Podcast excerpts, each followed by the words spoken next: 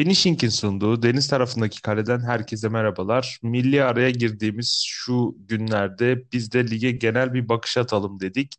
Ve aslında maç maç e, anlatalım istemiyoruz ama Türkiye Süper Ligi podcast'imizde bu hafta genel bir bakış açısıyla sizlerleyiz. Ve her zamanki gibi Oğuzcan Aydın bizimle beraber. Oğuz merhaba, hoş geldin. Keyifler nasıl? Merhaba abi. Keyifler iyi yani. Şu an bir sorun yok gibi gözüküyor. Tek sıkıntım benim biliyorsun milyaralardan çok fazla hoşlanmıyorum. E, o biraz geriyor beni. Onun dışında bir problem yok. Sağlığımız yerinde. E, Covid felaketinin diyeyim artık çok fazla da yayılmaya başladığı tekrar bugünlerde sağlıklı olmaya çalışıyoruz. Sen nasılsın? Senin keyifler nasıl? Senin aynı hislere sahibim ben de. Şu milli arada Uluslar Ligi'nin pek böyle yapılıp yapılmaması gerektiğini düşündüm.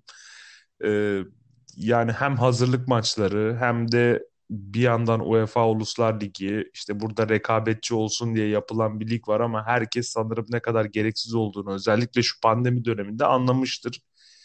Yani böyle bir durum var. Milli takımda e, bu arada bugün bir istatistik gördüm. Sanırım son 17 hazırlık maçımızda yenilmemişiz. 2017'den son bir e, yenilgimiz vardı. Ondan sonra hani çok galibiyet aldığımız bir dönem de değil ama hani yenilmeme şeyi de ilginç olmuş. Daha çok rekabetçi maçlarda mağlubiyetler almışız. Yani milli takımı aslında çok fazla konuşmak istemiyorum. Zaten Euro 2020'ye e, 2021'e artık tabii olduğu için e, katıldığımız için biraz e, Şenol Güneş'in deneme tahtasına dönmüş durumda gibi görünüyor. Sen de aynı şeyleri düşünüyor musun bilmiyorum. Evet abi ya şu ana kadar Şenol Hoca muhtemelen e, hem sistemsel olarak hem de oyuncu portföy olarak e, ne kadar fazla şey görsem o kadar iyidir diyordur diye tahmin ediyorum. E, dolayısıyla dünkü Pakistan maçında da hani farklı farklı isimler denendi. Ne bileyim Berkay Özcan oynadı mesela. Efecan işte zaman zaman kadroya girip çıkıyor. Hala Forvet'te bir deneme içindeyiz. Cenk penaltıdan da olsa bir gol attı. Ben sürekli bir deneme çabası içerisindeyiz. Zannediyorum yani 2021'e kadar bu çabalar nihayet erer ve artık az kadromuzla, nihai kadromuzla iyi bir turnuva geçiririz. Evet, bir yandan da Cengiz'in gerçekten oynayabiliyor olması ve hatta girer girmez etkisini göstermesi e, oldukça sevindirici Euro 2021 açısından inşallah e, nazar değmesin diyelim. Sadece bir haberle aslında biraz haberlerle başlamak istiyorum. Ersun Yenal Antalya Spor'la 3,5 yıllığına anlaştı ve Antalya Spor cephesinden e, bir Twitter'dan, e, sosyal medyadan hoş geldin mesajı yayınlandı. İlk antrenmanlara çıkıldı. Ve daha sonra şöyle bir şey gördüm. Antalya Spor yönetim tarafından gelen bir e, mesaj vardı. Antalya Spor'la pardon Ersun Yanal hocamızla şampiyonluğa oynamak istiyoruz diye ben daha bir durun diyorum. Yani öncelikle Antalya Spor'un istikrarlı olarak gerçekten herhangi bir şekilde sonuçları alabiliyor olması lazım. Tabii ki Ersun Yanal bunu oynatabilecek e, kapasiteye sahip bir hoca mı? Evet ancak e, Antalya Spor'la yapılıp yapılamayacağı konusunda tabii bunu zaman gösterecek. Üç buçuk yıl normalde sen bu kontratı tamamlayabileceğini düşünüyor musun Ersun Yanal'ın? Yani normalde bu çok e, kolay bir şey değil. Özellikle Türkiye'de nerede hani imkansız kategorisine alabileceğimiz bir durum. Ersun Hoca Fenerbahçe'de şampiyon olmasına rağmen bir sonraki sezon görevinden alındı. Ondan önce istikrarlı dönemleri tabii ki oldu. Gençler Birliği ile Ankara gücüyle e, önemli istikrarlı dönemleri oldu ama e, yani şu an özellikle günümüzde özellikle Antalya Spor yönetiminde düşünecek olursak çok zor gözüküyor yine 3,5 yıllık e, sözleşme imzalaması. Çünkü zaten Tamer Hoca da e, çok kötü performans sergilemedi sonuç itibariyle ve e, onu da görevden alma konusunda çok bir tereddüt yaşamadı yönetim kurulu olarak. Yani ümit ediyorum tamamlar ama hani ilk etapta baktığımız zaman çok çok olası bir ihtimal değil gibi bence. Evet yani bu arada senin gözüne çarpan haberler var mı? Biz takımları konuşmaya geçmeden önce sana sorayım. Samet Aybaba'yı biliyorsun herhalde bize biraz bilgi verebilirsen seviniriz. Tabii Kayseri Spor geçtiğimiz haftada konuşmuştuk. Bayram Hoca ile yollarını ayırmıştı. Ee, ve Samet Hoca geldi göreve. Samet Aybaba ilk maçı da Galatasaray deplasmanına gidecek ee, Samet Aybaba. Zorlu bir görev oldu aslında onun açısından ama e, hani alt kademe takımlar için hani underdog diyebileceğimiz kadrolar için ben Samet Hoca'nın iyi bir teknik adam olduğunu düşünüyorum. Beşiktaş dönemlerinde de bunu e, çokça görmüştük. Hani insanlar tırnak içerisinde o menemen dönemi olarak e, addediyor bunu ama E, bence o dönemdeki kadroyla da genç kadroyla da nispeten çok yani düşük kalitedeki bir kadroyla da gayet iyi işler yapmıştı. Bunun dışında e, hep konuştuğumuz Trabzonspor Abdullah Hoca flörtü artık gerçeğe e, dönüştü. Abdullah Hoca Trabzonspor'un teknik direktörlüğüne getirildi. E, ümit ediyorum o da Trabzonspor'un kolay gol yeme hastalığını en azından bir şekilde tedavi eder ve e, biraz daha heyecanlı, biraz daha fazla rekabetin olduğu bir Süper Lig seyrederiz. Çünkü zannediyorum ilk bakacağı şey bu oluyordu. Çünkü Trabzonspor genel itibariyle geçen seneden beri çok fazla skor üretme konusunda yaşayan bir takım değil. Aksine skor ürettikten sonra oyunu tutma ve e, skoru koruma anlamında net sorunlar yaşayan bir ekip ki geçen sene zaten öne geçtiği maçlarda en çok puan veren takımdı. E, Abdullah Hoca Başakşehir'de bunu çok iyi uyguluyordu. Hani insanlara sıkıcı gelebilir bana da öyle geliyordu ama e, topu ayağında tutup oyun temposunu düşürerek e, aldığı skoru koruma konusunda önemli bir isim ve ben e, ilk olarak bakacağı şeyince bu olduğunu düşünüyorum. Yani şimdilik 3 tane yeni teknik adam haberi var. Bunlarla e, sonlandıralım diyorum. Takımları incelemeye başlayalım. Fenerbahçe'den başlamak istiyorum. Senin de görüşlerini aslında merak ediyorum. Şimdi maç fazlasıyla liderle aynı puana sahip bir Fenerbahçe var. Elinizde geniş bir kadro var. Hücumda fazla seçenek var. Takımda oldukça tecrübeli isimler de var. Ligi tanımayan oyuncular da var. Fenerbahçe'nin şu anda şampiyonluk için Galatasaray'la birlikte aslında ben en güçlü adaylar olarak durduğunu söyleyebilirim. Ancak bahsettiğimiz zaman tabii ki hani ligin 8. haftası. Önceki programlarda seninle takımların sezon öncesi hazırlıklar ve oyun değişimleri için böyle çok fazla zamanları olmadığını konuşmuştuk. Şimdi ligin geç başlaması ve uzayan milli ara sebebiyle Kasım'ın sonuna geldiğimizde 8-9 maç aslında oynanmış olacak. Sana şunu sorayım. Fenerbahçe'nin Erol Bulut'la olan oyununa ve ileride sıkışıklaşacak bu fikstürüne baktığında ne düşünüyorsun? Ee, ikinci bir sorun var. Bir de Fenerbahçe sezon sonunda ipi göğüsleyebilir mi? Tabii ben ikinci sorudan Tabii. başlayayım abi. Ee, ben ipi göğüsleyeceğimizi düşünüyorum bu senenin sonunda. Ee, neden? Şundan dolayı bir kadro kalitesi gerçekten e, son yıllardaki en iyi Fenerbahçe kadrosu. Ve senin az önce bahsettiğin gibi şampiyonluk yaşamış, şampiyonluğun ne demek olduğunu, nasıl kazanılacağını, hangi yollardan geçerek elde edileceğini bilen bir nüveye sahip. Dolayısıyla bu Fenerbahçe için önemli bir avantaj. Evet uzun maratonda belki nefesi yeter mi yetmez mi o tecrübeli tırnak içerisinde yaşlı oyuncuların. Bu bir soru işareti. E, ama ben onların deneyimlerinden faydalanacağını düşünüyorum.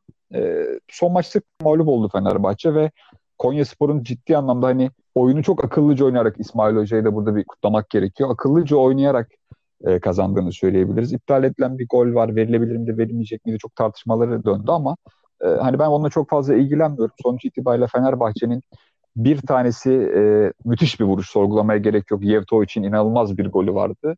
Bir tane de e, serseri bir topla savunma arkasında yapılan savunma anlaşmazlığı. Kravets'in güzel bir gol vuruşuyla e, 2-0 mağlup oldu.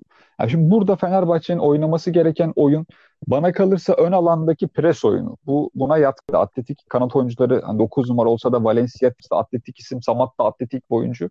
Bunu oynayabilecek bir takım ama Fenerbahçe şu ana kadar hep söylüyorum ya e, yani bu duran toplardaki goller sizin için hem artı hem eksidir diye. Sadece ona güvenerek e, yola çıkarsanız kesinlikle yaya kalırsınız o yolda. Ama kritik maçlarda, Anadolu deplasmanlarında, derbilerde e, hani hiç yoktan çok önemli bir silahın elinizde olması ve onunla birlikte kazanacağınız bir galibiyet size müthiş bir ivmede getirebilir. Bu dengeyi iyi ayarlamak gerekiyor. Son maçta bunu çok fazla göremedik. Erol Hoca'nın ben şu ana kadarki en büyük eksisi takıma e, hani savunmasını oturttu diyoruz nispeten geçen senelere göre. Ama hala hücum hattıyla savunma hattı arasında takım boyu çok uzuyor. Yani Fenerbahçe önde bir pres yapıyor evet ama arkadan o pres desteklenmediği sürece ön alanda bir işte 3 kişilik pres görüyorsun. Arkasında bir 40 metre boşluk, orta alan ona göre diziliyor. Bu boşluğu bıraktığınız sürece hani rakip takım çok iyi pas yapar. İki, çok fazla yorulursunuz, topun peşinden çok fazla koşarsınız. Bunu bir şekilde ayarlaması gerekiyor. Hani e, maç sonu açıklamaları zaten biliyorsun Erol Hoca e, hani oynama, oynayacak arkadaşlarımız değişebilir gibilerinden bir revizyon e, ipucu da verdi o konuşmalarında. E, yani şu ana kadar Samat'ta iki golle başlamıştık Fenerbahçe kariyerine ama çok ortalama düzeyde gidiyor. İki tane stoperin arasında onu bıraktığınız zaman onlarla çok fazla hani boğuşup top indirip e, pivot görev yapabilecek bir e, rolde değil şu ana kadar. Onu ben belki bir kanada atar Sisse'yi ortaya koyar diye düşünmüştüm son maç için ama denemedi onu. Muhtemelen Sisse e, ön alanda oynamak istiyorsanız sizin için ideal bir santrafor. Çok fazla gol kaçırdığını kabul ediyorum ama 3 tane de kaçırsa 4 tane de kaçırsa da sürekli o denemeleri devam eden ve ceza sahası içerisinde topu buluşturmak isteyeceğiniz bir isim. İkinci olarak da bence Erol Hoca'nın e, yani Sosa ve Pelkas ikilisinden birinin mutlaka sağ içinde olması na dikkat etmesi gerekiyor. Çünkü Erol Hoca'nın geriye düştüğümüz maçlarda özellikle hani ikisini birden çıkardığında çok fazla gördük ve iki oyuncu da olmayınca Fenerbahçe'nin gerçekten çok düşüyor. Şimdi bu çok önemli bir eksi. Şimdi Sosa inanılmaz iyi bir pasör. Ee, ben hatta bunu geçen hafta konuştuğumda Sosa'nın eksikliği çok gözükecek dediğimde o kadar çok mesaj geldi ki bana kendi arkadaşlarımla ya Fenerbahçe 35 yaşındaki adama mı kaldı bilmem ne şu bu diye. Abi Sosa ise kaldı yani. Onun artık lamicimi yok. Sosa senin oyun hakkını tek başına iki kademe yukarı çıkaran bir adam. Evet Ozan müthiş bir sezon geçiriyor kabul ediyorum. Gustavo müthiş bir kesici Bunların hepsi e, çok önemli artılar. Hep elde olması gereken şeyler ama orada bir beyin olmayınca e, yani rastgele sağa sola koşan bir takım e, hüviyetine bürünüyorsun. Hadi Sosa olmadı diyelim sakattı ki normal 35 yaşındaki bir adamın e, 40 maçın tamamında sahaya çıkmasını zaten beklemiyoruz ya da çıksa bile hep hepsinde üst düzey performans beklemesini e, göstermesini zaten beklemiyoruz. En azından Pelkas kalsın. Pelkas 10 numara oynadığı zaman sağa sola deplase oluyor. Tek top atıyor ki müthiş de bir gol attı. Şutu var, pası var ya bu adamı hemen çıkarıp ya ben 4-2-4 şeklinde bir döneyim bakalım atarsak atarız cümlete saldıralım şeklindeki bir düşünce bana çok yanlış geliyor. Erol Hoca'nın eminim bunu zaten kendisi de görmüştür diye tahmin ediyorum.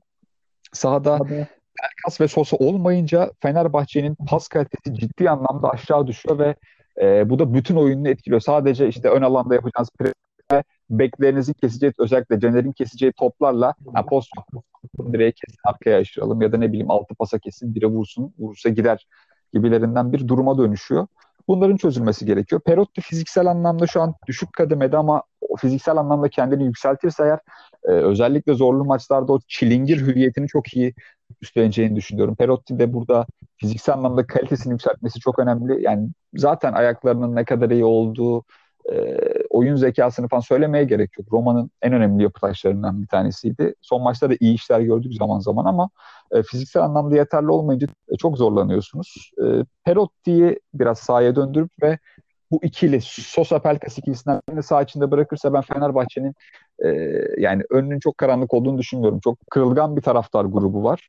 E, ve hani bir mağlubiyetten sonra ya bu sene de şampiyon olmayacak falan e, gibilerinden bir düşünce döndü. Bilmiyorum hani herkes 40'ta 40 yapıp 120 puanla mı şampiyon olmayı bekliyor ama mutlaka böyle kazalar olacaktır. Nitekim e, en büyük rakibiniz Galatasaray'ın şu an bir puan önündesiniz hala ve içeride oynayacağınız bir Galatasaray derbisi var. E, yani onu aldığınız takdirde özellikle seyirci vesaire girerse e, çok daha avantajlı konuma geçeceksiniz. NSK atmaya gerek yok. E, her şey duran toplara bağlamaya gerek yok. Pas oyununu yükseltip takım boyunu kısaltırsa Fenerbahçe'nin e, önü açık diyorum ben kısaca. Gerçekten Fenerbahçe'de bu duran toptan yani sadece duran toptan gol buluyor oluşu takımın e, taraftarların aklında bir soru işaretiydi ama sen gerçekten de e, hani duran topun üzerine de bir şeyler yapılabileceği özellikle Galatasaray'da aslında e, Feguli, Belhanda özellikle Belhanda'nın ilk iki hafta, üç hafta yaptığı işlere benzer işlerin yapılması durumunda Fenerbahçe'de özellikle Sosa tarafından e, sen de bunun çok rahat bir şekilde aşılacağını düşünüyorsun sanırım. E, istersen buradan e, Galatasaray'a geçelim. Galatasaray'da erken seçim gündemi var ve 19-26 Aralık döneminde seçim yapılacağı açıklanmıştı. Öte yandan e, tabii futbolun e, tarafında diyelim yani yönetim tarafında değil de futbol tarafında oynanan futboldan taraftar çok memnun değil. Hatta transfer çağrıları falan da yapıldığını gördüm ancak e, Galatasaray'ın şampiyonluk hedefi için transfere ihtiyacı olup olmadığını da tam kestiremiyorum. Çünkü fena olmayan, nispeten fena olmayan bir kadrosu var. Şampiyonluk adayları arasında diyebileceğimiz. Galatasaray'ın orta saha yapısının ben biraz daha oturduğunu görüyorum futbolcuların hem Covid faktörü hem de sakatlıklardan dolayı böyle ideal kadroda belirlenememesi gibi durumları düşününce Galatasaray'ın bu kısıtlı imkanlar içinde gelişme göstermesi en azından taraftarlar açısından sevindirici olmuştur herhalde. E, mesela Taylan'ın mevkisinin belirlenmesi ya da oyunun oturması hatta gelişmesi diyebileceğimiz ve orta sahanın 5 kişi olacağını da düşünürsek sanırım Galatasaray'ın ideal kadrosu defansın önünde Taylan ve Etebo ve onların önünde oyun aklı olarak Fegoli, Belhanda, Arda üçlüsü gibi olacak duruyor. Yer yer Babel'le desteklenecektir sanırım. Yani daha önce takımın bu şekilde bir oyunla hatta bu oyuncularla da şampiyon olduğunu düşünürsek bana açıkçası Galatasaray'ın orta sahada çok problem yaşamayacağını söyleyebilirim gibime geliyor. Ee, bir de mesela Muslera'nın eski haline yakın bir dönüşü, işte Marcao'ya nazar değmemesi, e, Falcao'nun topla daha fazla buluşabilmesi durumunda ben Galatasaray'da oldukça aslında bu yarışta avantajlı olduğunu düşünüyorum. Sen ne diyeceksin Galatasaray'la ilgili ve benim söylediklerimle alakalı? Aslında aynı şeyleri sen de görmüşsündür diye tahmin ediyorum. Senin görüşlerin neler?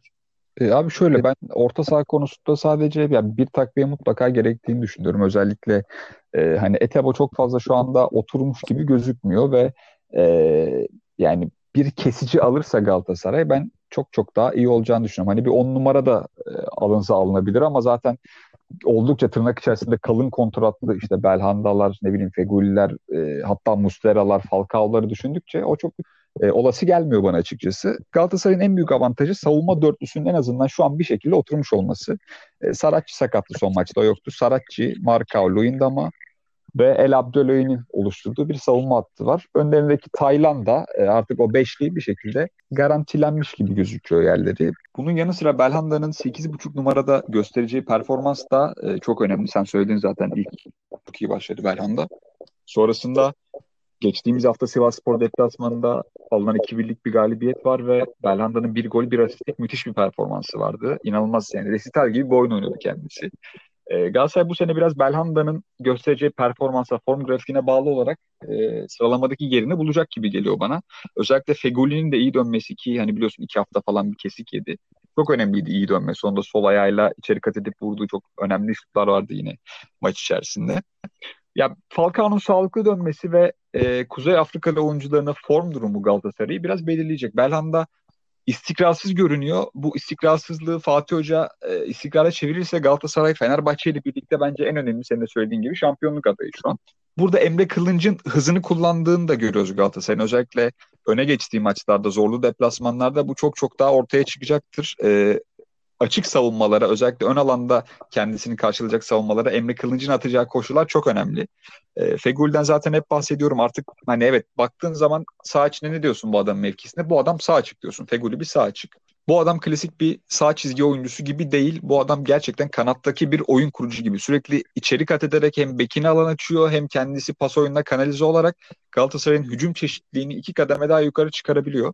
Dolayısıyla Galatasaray'ın ben transfere ihtiyacı olduğunu kesinlikle düşünüyorum şu an. Yani özellikle bir orta alanda e, yani maaşları hep söylüyorum ama hani el verdiği sürece bir orta alana transfer olursa çok iyi olur.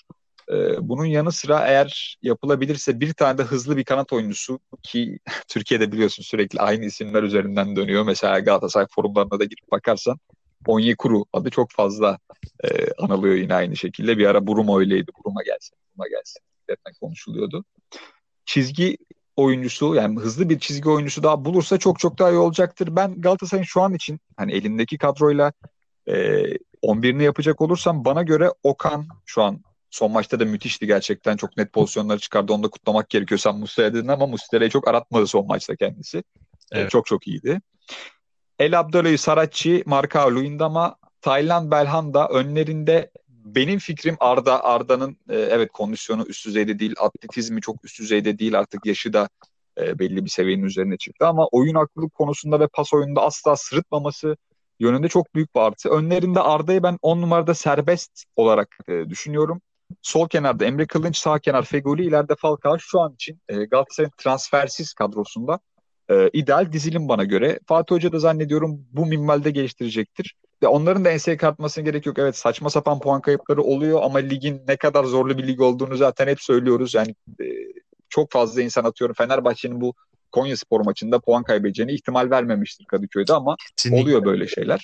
Ee, aynı şekilde Galatasaray'ın da ligin geçtiğimiz dönemlerinde gerçekten abes puan kayıpları vardı. Son hafta Sivas deplasmanı yer yer çok iyi oynadığı dönemler oldu. Yani ciddi anlamda o tiki takadan esintiler gördük Galatasaray'da ama ondan sonra özellikle golü de sonra 76. dakikada çok düştüler oyunda. Fatih Hoca'nın burada bir eksi tarafını belirtmek istiyorum.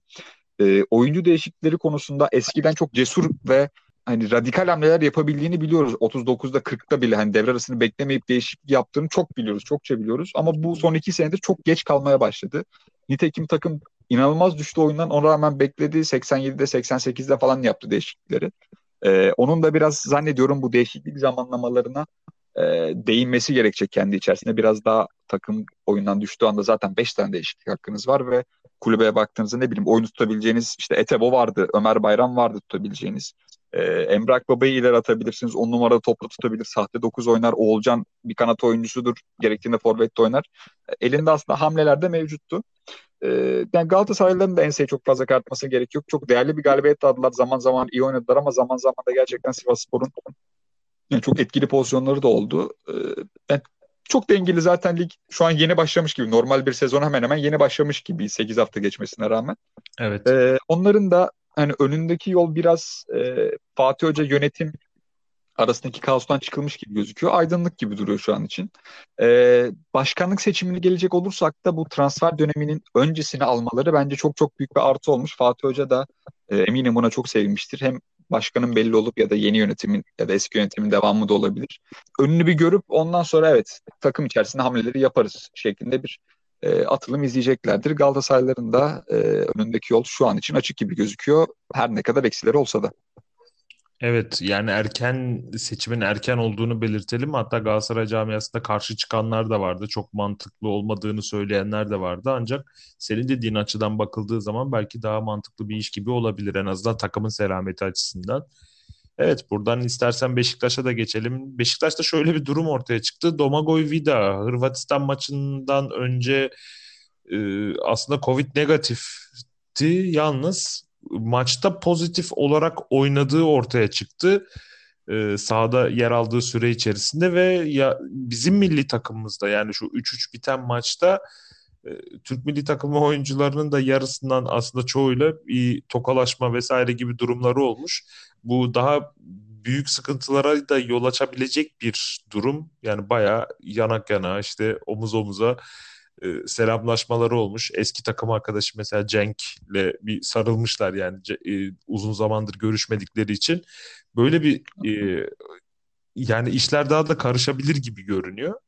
Yani normal olarak Beşiktaş'ın bu zamana kadarki performansına bakacak olursak özellikle Beşiktaş defansına baktığımızda Vida'nın yeri sabit ve yanına kim oynayacak diye düşünülürken Sergen Yalçın'ın biz Wellington'u ilk sıraya yazdığını gördük. Şimdi Montero e, oynasın işte Wellington'a neden bu kadar şans veriliyor? Montero oynamalı işte bir, oynatmayacaksak biz bu adamı niye kiraladık gibi ben çokça yorum gördüm internette. Şimdi Wellington Montero ve Rıdvan Ensakala aslında durumlarına baktığımızda Şimdi Montero'nun öyle acayip tecrübeli işte nerede ne yapması gerektiğini bilen takımın oyununa ve takımın mentalitesine böyle katkı verebilecek bir isim olmadığını sen de anlamışsındır herhalde. Öyle oldu yani böyle bir isim olmadığını söyleyebiliriz.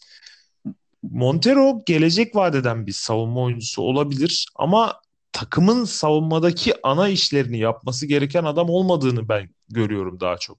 Yani daha çok hamleci, işte çevik olmayan ama sağlam müdahale yapabilen vasat bir yan figür gibi duruyor benim bakış açımdan ve hani şöyle açıklayabilirim.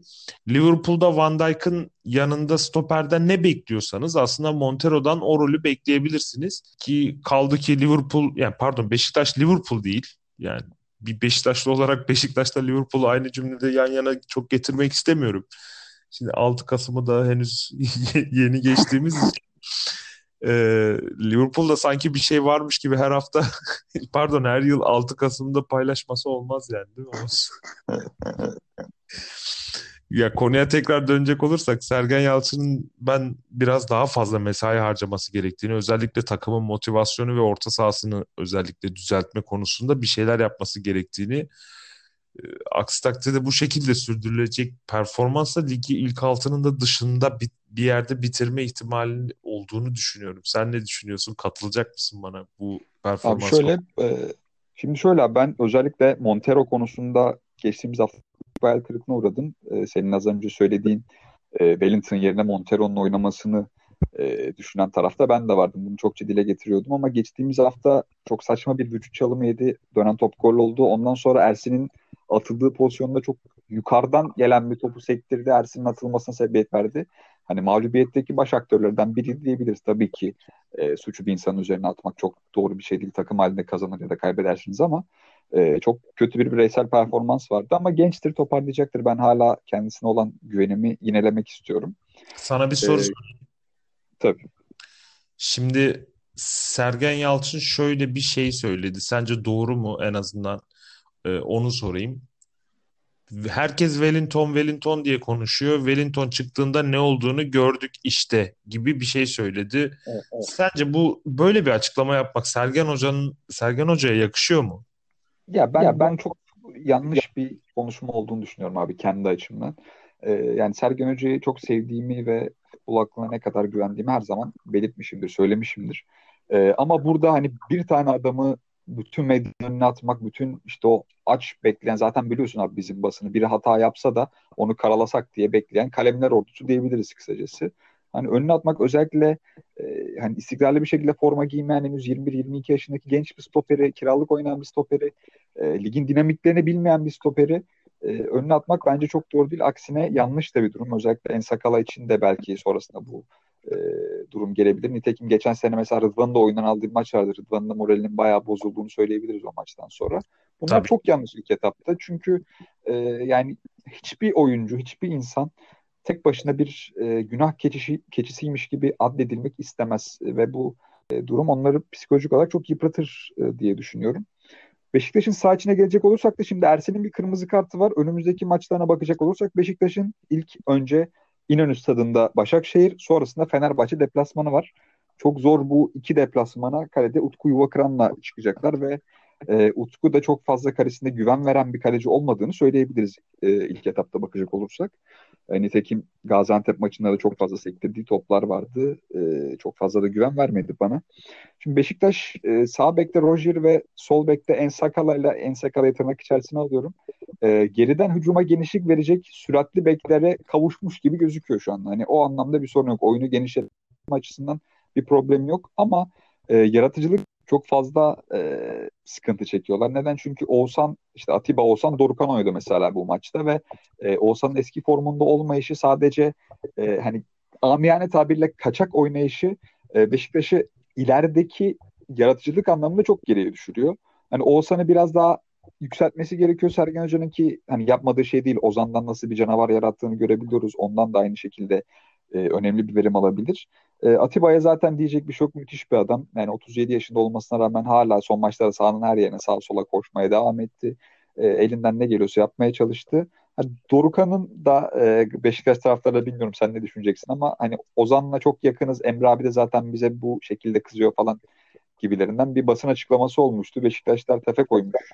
Ya bu adam Fener'e gidecekse sene sonunda biz niye bu adamdan medet ummuyoruz gönderin altyapıya bilmem ne falan gibilerinden çok fazla şey duydum. Ee, yani onda biraz kafa karışıklığı vardır belki Sergen Hoca'da. Gezzal'ı ben hep söylüyorum modern futbolda ters ayaklı kanat oyuncusu, içe karadan kanat oyuncusunun önemi çok büyük ve e, zaman zaman burada ekstra işler yapacaktır. O konuda da problem yok. Larin sol çizgide fiziksel anlamda çok yıprattığını söylüyoruz. E, bu da bence çok önemli bir artı. Abu Bakar'da henüz bir istikrar yok ama zaten onun da hani sakatlık riski çok fazla. İyi olduğu dönemlerde bile çok çok istikrarlı bir adam değildi. Bir Mario Gomez atıyorum ne bileyim ya da Cenk Tosun 2017 istikrarına sahip bir adam değildi kendisi de. Ben burada Sergen Hoca'nın yapması gereken şeyin e, ilk etapta orta alandaki üçlüsünü bir şekilde e, belirlemesi gerekiyor. Atıyorum Joseph Atiba Oğuzhan mı? Tamam bu üçlü iki maç en azından üstte bir denensin, görülsün. Hani artıları, eksileri bakılabilir, e, tahtaya yazılabilir. Ya da ne bileyim işte Atiba, Oğuzhan, Dorukan mı yapacaksın? Olabilir. E, ama ben buraya bu üçlünün içerisine mutlaka ve mutlaka Adem Laiç'in girmesi gerektiğini düşünüyorum. Hani Adem Laiç psikolojik olarak yani hiç hiç hazır değil gibi gözüküyor. Zaten Sergen Hoca da yaptığı basın açıklamalarında yani çok fazla kafasının futbolda olmadığını, o oynamaya karar verirse biz zaten onu oynatırız gibilerinden ona da bir serzenişte bulunmuştu. E, ben için mutlaka saha içerisine dönmesi gerektiğini düşünüyorum. Çünkü gerek şütörlüğü gerek pasörlüğüyle Beşiktaş'ın ön alandaki kısırlığını en azından tek başına da olsa bir nebze e, törpüleyebilir gibi geliyor bana. Hani e, bir tarafta Larin ortada Laiç, ters kanatta Gezzal gibilerinden bir e, forvet arkasındaki üçlü. E, arkasında da Joseph Atiba atıyorum. Koşan, basan, pres yapan, ısıran e, bir ikili görebiliriz. Hani Joseph tek önde bir oynadığı zaman çok çok daha faydalı oluyor Fenerbahçe çünkü Joseph Topal şeklinde çok görüyorduk onu ve iki ön libero oynadığı zaman saçmaladığı çok maç e, oluyordu ama Atiba safkan bir ön libero değil artık hani bildiğimiz böyle hani Mehmet Topal gibi ne bileyim savunma önünde işte Mehmet Aurelio gibi e, çok böyle çakıl Hüseyin Çimşir gibi aynı şekilde çakılı bir ön libero değil kendisi. Hani 8 numara gibi git gel yapar 10 numara oynadığı bile oldu. Sağa sola deplase olur. E, Joseph'in çok fazla işine karışmazsa Joseph'in de ben katkısının önemli olacağını düşünüyorum. E, savunmayı toplayıp orta alandaki üçlüsüne e, yani artık bir karar verirse Sergin Hoca bak bu üçlüye çıkacağız. Bizim ana üçlümüz bu tabii ki zaman zaman işte kart cezaları, sakatlıklar, rotasyonlar olacaktır mutlaka form durumuna göre ama e, net bir şekilde o üçlüyü belirlediği sürece e, yani Beşiktaş'ın da ben şampiyonluk yarışında olacağını düşünmediğimi söylemiştim sene başından beri. E, Sergen Hoca çok güvenmiş olma rağmen çünkü kadro kalitesi e, gerçekten son 10 yıldaki en kötü 1-2 Beşiktaş e, kadrosundan bir tanesi bana kalırsa. E, ama hani ilk üçü zorlayacak, ilk üçü kafalayacak ve zaman zaman e, bu önemli kilit maçlarda da e, iş yapacak, sürpriz sonuçlar çıkaracak bir potansiyel ihtiva ediyor bence. Ki geçen seneki Galatasaray maçında da biliyoruz e, Sergen Hoca'nın iyi kapanarak sonuç aldığı çok maçlarda oldu. O yüzden Kadıköy'deki Fenerbahçe maçı bence e, Fenerbahçe için en azından beklenildiği kadar kolay geçeceğini düşünmüyorum kendi adıma. Tabii ki Başakşehir maçının e, sonucu ne bileyim cezalı durumuna, sakat durumuna göre de değişecek bir durumdur ama e, kısaca böyle özetleyebilirim. Evet, e, şimdi Larry'nin sol kanatta oyna, oynamasından bahsetmişken burada e, Lens yani German Lens, Enkudu, Gökhan Töre gibi isimlerin takıma çok fazla entegre olamadığını da görüyoruz. Şimdi burada normalde ideal kadroda sence hadi diyelim Abu Bakar elinizdeki en iyi forvet ve 11'e yazıyorsunuz. Senin söylediğin denklemde e, Atiba Oğuzhan ve Ljajic dersek eğer ya da Atiba Dorukan Laiç dediğimiz zaman e, geriye çok fazla oyuncu kalmıyor zaten. Bu e, diğer 3 oyuncuyla kesinlikle gol veya goller bulmanız gerekecek. Burada Enkudu mesela sen sol kanatta oynasan Larin'i gerçekten elinde Larin ve Enkudu var. Hangisini oynatırdın? Abi oyun sistemine göre değişik bir durum bu. Çünkü e, hani e, hedef, hedef maçlarda ben Enkudu'nun tabii ki e, geride karşıladığı maçlarda çok daha faydalı olacağını düşünüyorum ama gerçekten Larin'in çok formda olduğunu ve hakkının yendiğini geçen hafta da söyledim. Geçen hafta da gol attı, bu hafta söyledim, bu hafta gol attı. E, düşünüyorum çünkü Larin evet forvet hattında belki o kısır bir görüntüye sahip olabilir ama hani kenarda oynadığı zaman hem o forveti ikilemesi anlamında önemli bir iş yapıyor. Arka taraftaki e, koşulları bence çok değerli. Bunun da ötesinde rakibin sağ bekini fiziksel anlamda çok fazla yoran, yıpratan bir isim. Bu e, çok önemli bir parametre. Hedef bir kanat oyuncusu olarak onu oynatıp gerektiğinde topu ona da şirebilirsiniz. E, gerektiğinde onun gücünü kullanabilirsiniz. Gerektiğinde forvet ikileyebilirsiniz. Önemli bir adam. Yani şu an için Larin önde gözüküyor ama e, ilerleyen dönemlerde bilmiyorum. Belki atıyorum Abu Bakar Allah göstermesin sakatlanırsa eğer hani Laren'i ileri ucu atıp Enkudu Gezdal kanadı şeklinde dönebilirsiniz. Ama şu an için ben kesinlikle burada öndeki ismin e, Larin olduğunu düşünüyorum. Özellikle mevcut form grafiğiyle. Evet oyuna e, şöyle söyleyeyim yani oyun stilleri benzemese de aslında Vakayeme'nin Trabzonspor'da yaptığı etkiyi yani Trabzonspor'un oyununa yaptığı etkiyi bir nevi katabilir diyorsun aslında Larin. Tabii yani, oyun stilleri e, oyun dediğin gibi çok farklı ama e, Larin'in hani o yıpratma anlamında tırnak içerisinde söylüyorum. Çünkü Vakayeme müthiş kadife bilekli, çok teknik, çok e, kuvvetli bir adam. Hani e, tekniğinin zekatını verse bile belki Larin'den daha iyi çıkabilir diye söyleyebiliriz yani ortalama bir adama.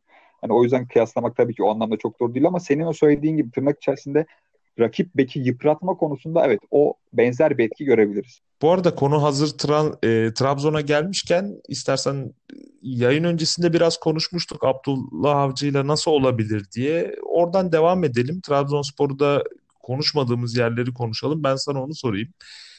Şimdi Trabzonspor'da Hüseyin Cimşir'in son dönemi ve Eddie Newton'un son dönemi hakkında aslında pek çok şey bariz ve gözle görülür şeyler olduğu için ki biz daha önce bunu programlarda da konuştuğumuz için çok fazla tekrarlamayacağım. Şimdi önümüzde Abdullah Avcı ile ile bir dönem var ve Abdullah Avcı çalışmadığı dönemlerde daha da geliştirdiğini düşündüğü projelerini Trabzonspor yönetimine sunmuş ve yönetim oldukça şaşırtmış. Yani en azından basında çıkan haberler bu yöndeydi. İşte çok etkilenmiş vay demişler. Ee, şimdi sence Trabzonspor'u Avcı önderliğinde nasıl görürüz? Abi senin de söylediğin gibi aslında yayın başında bahsetmiştim. Trabzonspor genel itibariyle skor üretme konusunda sıkıntı yaşayan bir ekip değil. Ee, ve e, öne geçtiği çok fazla da maç gördük hem geçen sene hem bu sene. E, asıl sıkıntı onların e, skoru tutma noktasında. Yani ne yapacakları konusunda. E, Hüseyin Hoca buna çare bulamamıştı. Nitekim şampiyonluğu verdiler o şekilde. Eddie Newton bu sene e, keza aynı şekilde öne geçtiği maçları tutamadığını çok fazla gördük. Abdullah Hoca da e, bunu geçen sene de söyledik, bu sene de söylüyorum. Yani skor tutma konusunda ben de dahil olmak üzere çoğu insana çok sıkıcı bir e, oyun şekli gibi gelse de sonuç itibariyle başarıya daha yakın bir e, oyun şablonuna sahip. Topu ayağında tutup e, oyun temposunu düşürerek kısa paslarla e, çıkmayı hedefleyen, oyun tutmayı hedefleyen bir şablona sahip. E, bunu zannediyorum Trabzonspor'da da uygulayacaktır. Şimdi e, Eddie Newton'dan farklı olarak ben iki tane 8 numarayla oynamasını beklemiyorum bir kere Abdullah Hoca'nın. E, ilk etapta oraya bir 6 numara bir çapa e, Hüseyin'i olabilir. E, benim aklıma gelen ilk isim oldu sonuçta. E, safkan bir 6 numara sahip değil şu an e, Trabzonspor ve hani Hüseyin'i belki oraya devşirebilirsiniz. E, son maçta Joao Pereira'nın orta sahanın ortasında gördük. Belki o devşirilebilir gibi geldi bana. Hani Lam'ın da zaman zaman e, o mevkide Bayern Münih'te oynadığını görmüştük sağ olmasına rağmen. E, Serkan'ın da üstün formuyla birlikte orada kesilmeyeceğini düşünürsek e, ön libero bir orada Joao Pereira şeklinde de bir düşünce yapılabilir. Ya Flavio da, deneyebilir gibi geldi. Flavio denenebilir orada. O nispeten biraz daha hani zayıf kalır gibi orada bana fiziksel anlamda geliyor ama o da denenebilir dediğin gibi. Ya da hani Vitor Hugo'nun yanına örnek veriyorum tamamen hani Campi'yi alıp ikisi de sol ayaklı ama Campi'yi alıp belki Edgar Ye'nin o atletizminden ön libero'da da faydalanabilir mi? Onu da düşünüyor olabilir. Ya yani bir tane altı numara yapacaktır. Onun üzerine önüne bir e, çift pivot şeklinde inşa edip 4-3-3'ü devam ettirecektir gibi geliyor bana Abdullah Hoca. Zaten bir kanadın belli direkt olarak Vakayeme'yi yazıyorsunuz. E, Abdülkadir'in bir sakatlığı var. Sağ kenarda onu göremeyeceğiz. O yüzden orada da muhtemelen e, ya Diabat oynayacaktır ya da Ekuban e, sağ kenarda değiştirilebilir. İleride Afobe'nin yeri zaten kesin gibi gözüküyor.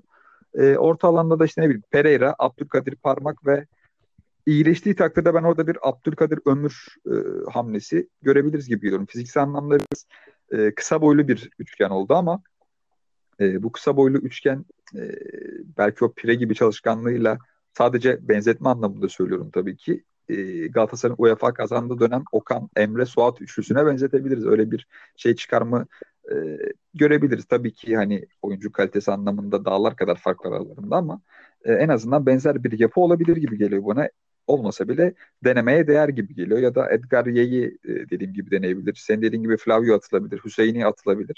E, ilk etapta orayı bir altı yapacaktır ve e, Abdullah Hoca'nın yapacağı ilk şey savunma, savunma, savunma. Bu savunma olayını düzelttiği takdirde Trabzonspor'un da tabii ki hani direkt olarak zirveye oynayacağını, hemen şampiyon olacağız şeklinde bir duruma gireceğini kimse düşünmüyor. Nitekim 8 maçta 6 puanları var ama e, o yerinde bulunduğu kötü durumdan çıkaracaktır gibi geliyor bana. Şimdi Abdullah Avcı ve şampiyonluk demişken Başakşehir'e değinmemek olmaz. Şimdi Başakşehir Manchester United'ı yendikten sonra sanırım oyuncular ya biz Manchester United'ı yendik. Yani niye şampiyon olamayalım sorusunun cevabının %50'sini aslında bulmuş olabilirler.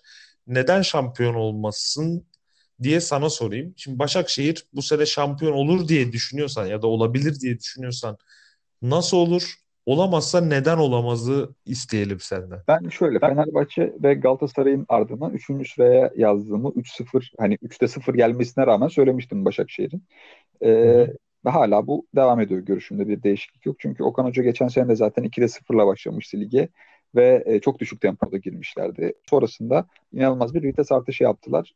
Nitekim e, Süper Lig'de biliyorsun zaten lig hep söylüyoruz. İkinci yarılarda başlıyor. İkinci yarılarda o stres yönetimini iyi yapan, o puan kaybını minimalize eden ekipler ipi göğsüyor. İlk etap hani ilk yarı biraz e, fragman görüntüsünde e, hani Ersun Hoca'ya da çok iyi başlamıştı mesela Fenerbahçe geçen sene ama işte 6. 7. sıralarda e, kendine yer bulabildi lig sonunda ya da ondan önce çok çok iyi başlayıp e, sonunu getiremeyen bir Abdullah Hoca e, ekibi vardı, Başakşehir ekibi vardı. E, dolayısıyla ben hani 3. sıraya yazdım ve aynı şekilde bekliyorum. Okan Hoca'nın da e, çok iyi savunma yaparak kazandığı bir United maçı var. United'ı e, yani çok fazla da tabii ki orada da kaotik bir durum var ama e, ondan sonrasındaki Gençler Birliği galibiyeti çok önemlidir. Rakip her ne kadar e, 10 kişi kalmış olsa da Chadli'nin oyuna girip özellikle burada ben e, bir parantez açmak istiyorum. İlk maçında iki asistle başladı. E, bu verdiği katkı çok önemliydi. Chadli'nin yüksek formla girişi müthiş bir durum bence ve Okan Hoca iki maçtır bir çapa kullanmıyor. Mahmut Tekdebin de yok. E, Mehmet Topal da oynamıyor. Orada sanki e, farklı bir formüle gitmiş gibi. Berkay Özcan United maçında müthiş bir oyun ortaya koymuştu. İrfan Can Kahveci keza benim hep beğendiğim müthiş bir adamdı. Bu ikilinin yanına bir de Alexis ekleniyor. Bu üçlüye baktığımız zaman şimdi üçü de iyi pasör. Üçü de savunma kısmından çok fazla Alexis'i biraz burada e, tenzih ediyorum. Savunma kısmından çok çok fazla kaçan adamlar değil. Özellikle hani İrfan Korakor mücadeleye girer kaçmaz. Berkay Özcan keza girer kaçmaz. Onlar e, çok iyidir demiyorum ama en azından oradan e, hani direkt olarak ezilecek profiller değiller. Bu çok önemli. Vişçe kendini buldu. Bu önemli ve e, her ne kadar Chadli'yi az önce bahsetsem de Deniz Türüç'ün de çok yüksek formda olduğu aşikar. Bu oyuncularınızın form grafiği yükseldiği takdirde savunmada da zaten belli bir sigara yakaladılar. Şimdi Sabek Rafael kesin artık zaten e, bir sakatlık da vardı orada daha öncesinde yaşanan Rafael'in geri garanti. E, sol bekte Bolingoli'nin yeri garanti. Hasan Ali oynamadığı her maçta Başakşehir'in öne çıkacağını söylemiştim. Nitekim beni hiç şaşırtmadı ve bu durum direkt olarak e, sirayet etti takıma da. Epriano yanında zaman zaman Şikirter oynuyor. Genelde hedef maçlarda, büyük maçlarda oynuyor. Olmadığı zaman Ponk oynuyor. Zaten Mert'in yeri garanti. İleride de Dembaba ile bir istikrar tutturulmuş durumda. E, neden olamaz kısmına gelecek olursak da hani olamayacağı şey belki şimdi rakipleri çok iyi olursa olamayacaklardır. E, fazlaca biraz hani ilk etapta puan kaybı yaptılar. Şu an e, 4 puan gerisinde Fenerbahçe'nin Galatasaray'ın da 3 puan gerisinde. E, biraz cepten yemiş gibi gözüküyorlar. Olamazsa Fenerbahçe tek kulvarda mücadele ediyor. Galatasaray tek kulvarda mücadele ediyor ve Başakşehir'in daha oynayacağı, daha oynayacağı 3 tane maç var. 3 Avrupa maçı var minimum. Belki 3'ünü çıkacaklar onu da bilemeyeceğiz son olarak. E, çünkü United galibiyetleri de var. Oradan da bir kutlayalım Okan Hoca'yı ve ekibini ülke puan olarak da çok ihtiyacımız olan bir dönemde ilaç gibi geldi gerçekten. Hani çok fazla maçın oynandığı ligde bir de üzerine Avrupa temposunu e, girişlerini çıkışlarını o dönemdeki maçların işte öncesini sonrasını kaldırabilirler mi soru işareti. Rakipleriniz iyi olursa ve e, geniş kadrolarını tek kulvarda kanalize ederlerse buradan çıkmak da çok kolay gözükmüyor. Ha bir de ileri uçta hani şu an için Dembaba gözüküyor ama Dembaba'nın e, gerek yaşı gerekse sakatlık geçmişine bakacak olursak hani burada ne kadar e, istikrarlı bir şekilde geri kalan 32 haftayı götürür. O biraz e, meçhul gibi geliyor bana. Orada zaman zaman e, Giuliano'yu denedi. Crivelli zaten oynuyordu ama son dönemlerde çok fazla e, tercih etmedi kendisini Okan Hoca. E, sahte 9 gibi Giuliano dönemde o da çok faydalı olduğunu düşünmüyorum ben. Sonrasında Gulbrandsen aldı. Gulbrandsen golle döndü. Belki o denenebilir. Her ne kadar e, hani forvet için almış olmasa da onu bir forvet orijini belki o da denilebilir ileri uçta şeklinde fazlaca opsiyonları var. E, fiziksel anlamda kaliteyi yukarı çektiklerinden itibaren zaten iyi oynayacaklarını hep söylemiştik. E, ümit ediyorum Okan Hoca'nın bu istikrarlı görüntüsü devam eder ve artık oyuncularla birlikte Avrupa'ya çok fazla oyuncu ihraç ediyoruz. Bu konuda problemimiz yok gibi gözüküyor. En azından kısa sürelik.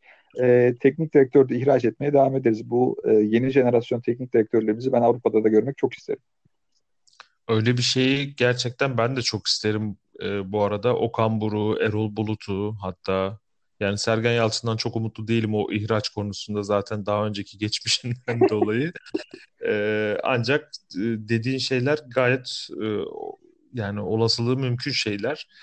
E, ben sadece Başakşehir'le alakalı ben yıllardır e, Türkiye liglerinde çok fazla görmeye alışık olmadığım bir oyuncu tipi var Başakşehir'de Berkay Özcan.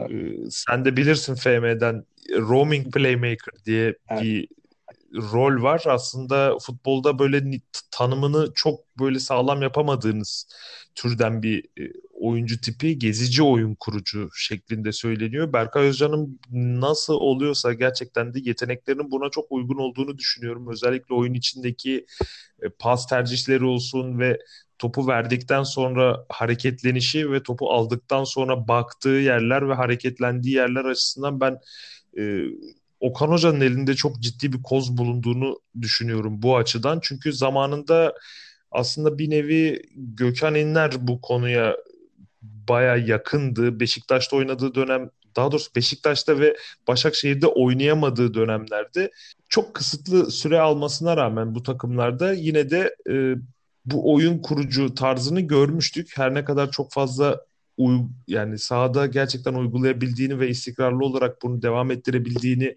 göremesek de Gökhan İnler de bu tarz bir oyuncuydu. Ancak e, sanki Berkay Özcan biraz daha e, bu konuyu aktif olarak başarıyor gibi geliyor. Bilmiyorum sen de katılacak mısın?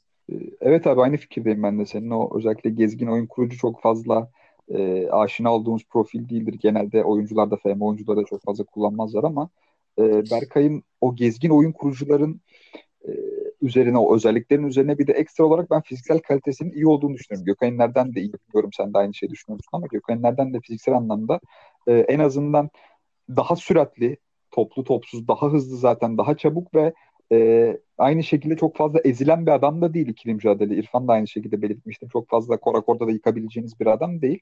Dolayısıyla milli takıma kadar yükseldi. Bu arada dün de Hırvatistan maçında da oynadı. E, zaman zaman çöktü dönemler oldu. Zaman zaman yine o savunmanın önünde gezgin oyun kurucu senin dediğin gibi e, hani Regista gezgin oyun kurucu karışımı gibi geliyor bana da. Biraz daha hani bir ortalamayı alayım ben. Pasları her ne kadar bir Regista kadar e, üst düzeyde ya da oyunu o kadar e, geriden çok kaliteli başlatamasa da e, oradan da esintiler veriyor kendisi. Yine en azından iki ayağında kullanabiliyor. Almanya altyapısından e, çıktığı için oyun bilgisi de e, kendi muadillerine göre çok üst düzeyde. Ümit ediyorum bu şekilde devam eder ve e, milli takımımızda e, 2021'de de kendisini kadroda görürüz ki şu ana kadarki performansıyla bence orta alanda e, Şenol Hoca kesinlikle onu da düşünüyordur. Değerli görüşlerin için çok teşekkürler Oğuz. Bu, bu hafta gerçekten böyle dolu dolu bir program oldu gibi geldi. Şampiyonluğa oynayan takımların, şampiyonluk adaylarının son durumlarını genel bir perspektiften incelemeye çalıştık. Sen de yorumlarınla bize katkı verdin. E, Finishing'in sunduğu deniz tarafındaki kalenin bu haftalığı da sonuna geldik. Herkese hoşça kalın diyoruz. Hoşça kalın.